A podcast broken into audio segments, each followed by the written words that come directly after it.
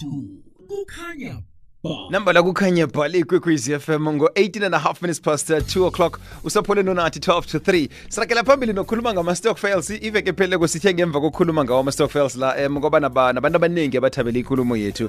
Bekhothu nakupodcast ku-www ikwekwezi fm co za baba baningi abantu ababatshengisa ikareko um yanasi ikulumo sirakela phambili ngayo. Kodwana ngithome ngokubuza ukuthi ama- ama-whatsapp kune-whatsapp stock fail engibona ikhulu- ekhulunywa ngayo ku-social media yinto ekhona yinto amambala na begodu asiyayibetha isivalo mhlawumunye ukuthi ngase kube yinto efana nama-ponzi scheme amanye la labantu badliwe khona imali. Akho ngithumela i-voice note ku-079 413 mhlawumbe sakulinga ukuthi siyidlale i-voice note leyo ngaphambi kokuthi um sihlukane mna nawe namhlanje ne? Le ikwekwezi fm lindiyo magobholi ukhona ngemva kokwenza nje. Hey sombali. Mm, wayiphatha indaba istokfel mina ngidliwe i-two hundred enhlekazini ungivusela amanceba nawuyiphathako nje. Yazi um ama ngicela ama-voice note lapha um angenako ku-at ku-079 413 iningi lawo likhuluma kokufana ukuthi ela ela sidliwe imali ngaphandle lapha. Kodwa-ke bakhona abantu abathi ziyasebenza ayasebenza ama-stockfel la. Ey yazini nge-whatsapp le hmm. Bese bo- o- imali nayiqeda ukufika kumnika eh, namtshana kilo esiwa kuye loyo kwenziwani iyabekwa yasiswa. Kodwa siphume lapho njenganje sirakela phambili nokucala ukuthi singawenza sisebenzele njani ama-stockfel la. Kunokobana singene ama-stockfel azogcine asidla imali ngokuhamba kwesikhathi. Lindiyo makhobholi siyakulotshisa siyakwamukela godi nasithi imalami akwanda kwanda futhi sinabalaleli emakhaya. Hey siyathokoza nambala sirakela phambili ngawo. Sengisaba nje ukuthi um amalanga la ngathi kuba mane angithi ngokuzwisisa ukuthi i-concept yama-stockfel into ekhona into esebenzako. Ngathi sekuba nendlela eziningi um zokuwa zokuba innovative nasiza kuma-stockfel ekutheni amanye la semthethweni namtshana semthethweni woke nje amanye la ma-stockfel a- a- anqophe namtshana ahlose ukwenza umehluko esiwufunako lo mani silapho lindiwe eh sayicoca ngelinye ilanga kodwana-ke eh, as- asirakele phambili ngale besiyikhuluma iveke epheleleko kufanele siwenza sisebenzele ekugcineni.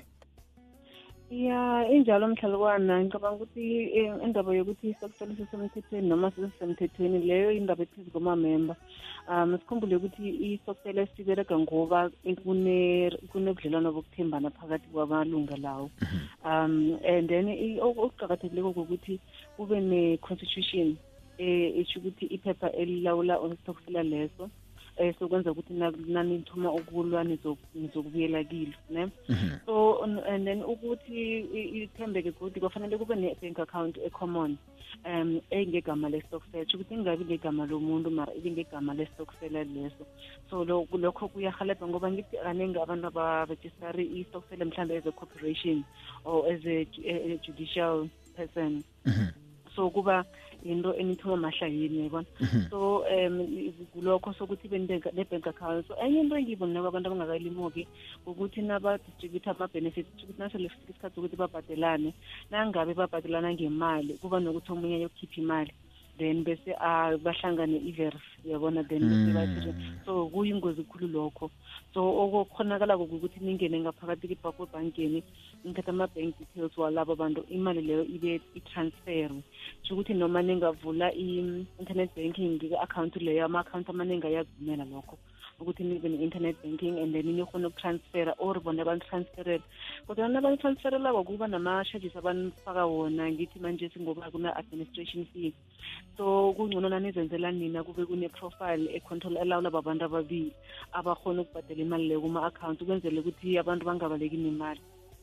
Um ukuredusa lokho um ukuthi stokfela sisiragele phambili mhlalukwana ngokuthi sisiqale njenge-investment singaqali njenge-saving. So siqale njengento ezothatha isikhathi and izinto ezosifusela imali. So um, ama-investment um into nafanele siqale nge-investment fanele siqale ukuthi isibusela malini kanjani yabona so um eh, nangabe silithatha imali leyo sayifaka ku-investment account noma ngabe inebhanka noma ngabe ine-asset manager noma ngabe ina noma ngabe inomuntu o-registered financial service provider ne kuma-investment. So kufanele kube um umuntu loyo o- o- o- otsho ukuthi one-skill phezu kwama-investment sho ukuthi uyawazi ama-investment ukuthi abereka njani. Umuntu loyo ubhalisiwe kube yikampani kungabi umuntu okuhamba ngeenyawo ngegama lakhe.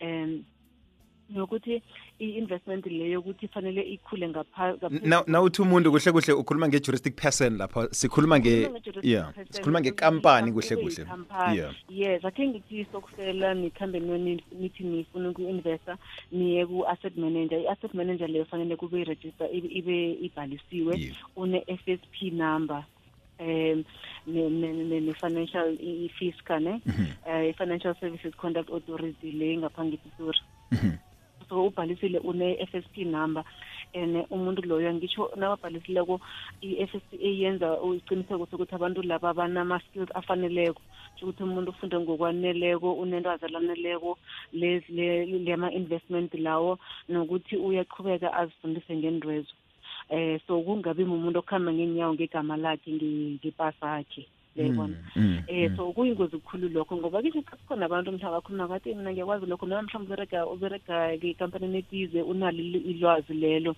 So ye unalo ilwazi lelo kodwana akuvikeli lokho ukuthi angazitsotsa ngithi. Ngoba fanele abe ngoba fanele abe registered sho ukuthi kurejistara lokhu kuyaniphatha nje ukuthi umuntu la ngisho animazi ngithethwa wakhe khaba ukhulise njani nokuthi unqopheni okwakho iye. Mm. nokuthi uncopheni ngokwakho ngithi imali imali yinto le bathi ngesikhoba bathi it's an emotive thing. Mm. ibamba woke umuntu and woke umuntu uyayifuna. So kwafanele uziphathise ngokuthi kube nomthetho olawula ikampani leyo. Nambara so yeah investment yakho namele ikhule kumele ikhule ngaphezu kwe-inflation mhlalukwana kube yinto enga i-inflation yethu kunje ihleli lapha kuma-four point five five percent so i-growth yakhona kwafanele ibe ngaphezulu kwalokho khe sibalele lapha kuma-seven percent kukhona ama-vehicles angakunikela ama- ama-return up to fifteen percent fifteen to twenty percent nase nihlathi nase ni- niyenze kuhle nithatha i-risk ukuthi nizimisele ukuthi imali leyo ningayiluza. Bazoyithatha ba-investe kuma-equity ngoba kukula kuthelwa khona ama-return aphezulu. Kodwana kwafanele nina nithathe i-risk leyo ukuthi iye sifuna ukuthi imali leyo ifakiwe lapho. Eh kunjalo nje lokha na i-risk akhona nayi nayiphezulu namtjana ne- kungesikhathi esincane kunjalo nje ufumana ukuthi eh ne namtjana imali ongabuyelwa nale nayinengi ufumana ukuthi ne ngithini khamba ibetha khudlwanyana nangakhe ingakhambi kuhle? Iye bethe khudlwana nangakhe ingakhambi kuhle. Mara ngithi ok- okukhona ukuthi engifuna ukukuveza before ngikhohlwe I- i- i- tsho ukuthi nani ngabe nithatha i-risk leyo kufanele niyibeke kwi-constitution yestokfela oh yeah. Oh ukuthi yeah. istokfela lesi nifuna ukuthi si-investe kuma-high return high risk assets. Ibhalwe phasi lokho. Ngoba angithi nayithoma mhlawumbe ingakhambi kuhle bese likhibe nithome niluza imali ningaphakami msinya ngoba imali leyo kwafanele ihlale isikhathi esi- eside. Nambara. Eh, sizosho ukuthi ingabi into unyaka munye ibe iminyaka eh, emihlanu kuya ngaphezulu. Ngoba isakele izokubuya ibuye ngakini. Mm mm, inibuyisele so nangabe nini a- a- nangabe nizokuphela ihliziyo msinya vele awa vele ingcono ningangiyizile kube nangabe nifuna into yonyaka awa seningene kuma-money market accounts.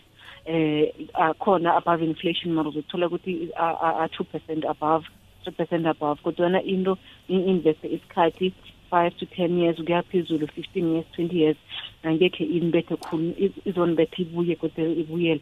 Naniqala over time over twenty years leyo nizothola ukuthi nigenile kunokuthi niluzile noma mhlawumbe kube neminyaka engakhambi kuhle. I- kuhle kuhle yenza vele em yindlela ehle nongathi uyayicala yoku- yo- yoku- yokubeka imali njengoba njengoba usitsho nje yokusisa nakube ukuthi em uyacala abantwana basesebancane em ufuna ukubeka imali awazi ungayibeka njani ubabekele mhlawumnye ngabe isikolo ngaba eh kubhincela futhi ubhince kusenesikhathi ubhincela iminyanya ethileko. N- nakusesenesikhathi ngaleyo ndlela uyakhona ukuthi uyibeke uyibekele isikhathi eside ngaleyo ndlela khona izokwazi ukukusebenzela. Eh, angithi em, angithi khe ngithi ama-equity i- i- ama-investment vehicle asetshenziswa for ama-retirement ngoba umuntu isikhathi ukuthi aretire so so ungaberegisa wona kube the same strategy. Mm, so the reason sifuna ama-stockfel angene kiso ukuthi naniseva nibanenganyana imali akhona ibanzunzwana. And therefore ama-return akhona abonakala ezokubonakala abengcono ngoba angithi khe mhlawumbe siqathanisa ne-retirement i-retirement imali akho uwedwa yabona Nambala. le ngiyakankosinathi yedwa and then iyathatha ifakwe kupool niyaka lindiwe niyaka bani niyaka bani yayibona? Then bese iba nama-return. So naniyi-corporation niyi-stockfela ngimbize as a corporation ngoba vele nibumbe something. Mm, mm. nayenzunzwana imali leyo niyiqalele isikhathi eside. Yabona so lokho kusitshelani mhlalukwane ukuthi ima- into yokuthi imali irotate cobe nyanga kwafanele sisuse emkhumbulweni yethu. Nasifuna uku- nasifuna ukulandela ngoba angisho nasikhipha na- nayirotatako every month hour masa ngisho akunamali lapho seyiyadlula iye ezandleni zomunye ezandleni zomunye yabona besiye mall ichayile ya. Okay bengingafuna ukuya lapho nokho sikusabani lokho ye mall vele. Ya ya nokho sicela isikhathi eside yabona Number. isikhathi eside ukuthi cobe nyanga siyafaka siyafaka mara nokho siyi- siyinto ebumbeneko akusimuntu ngamunye ngamunye aziyelako lapho le nto esithokozile kwalesikhathi kwaphela sithokozile kwanamhlanje sikufumana eh, njani konje ku-social media? Ya ningifumane ku-social media ku um umatsheleni facebook page um sine-workshop ngomgcibelo esikhuluma ngazo lezi zinto lezi zama-investment.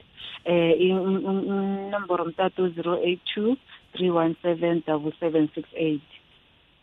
Le nto esithokozile sokhuluma nayo kodwa ngokuzako. Mhlali kwami. Siyathokoza ngulindiwe magobholi nokuguzane besikhuluma naye emhatshweni kwekwezi fm kukhanya ba. Namrholozi half past two. Kunathi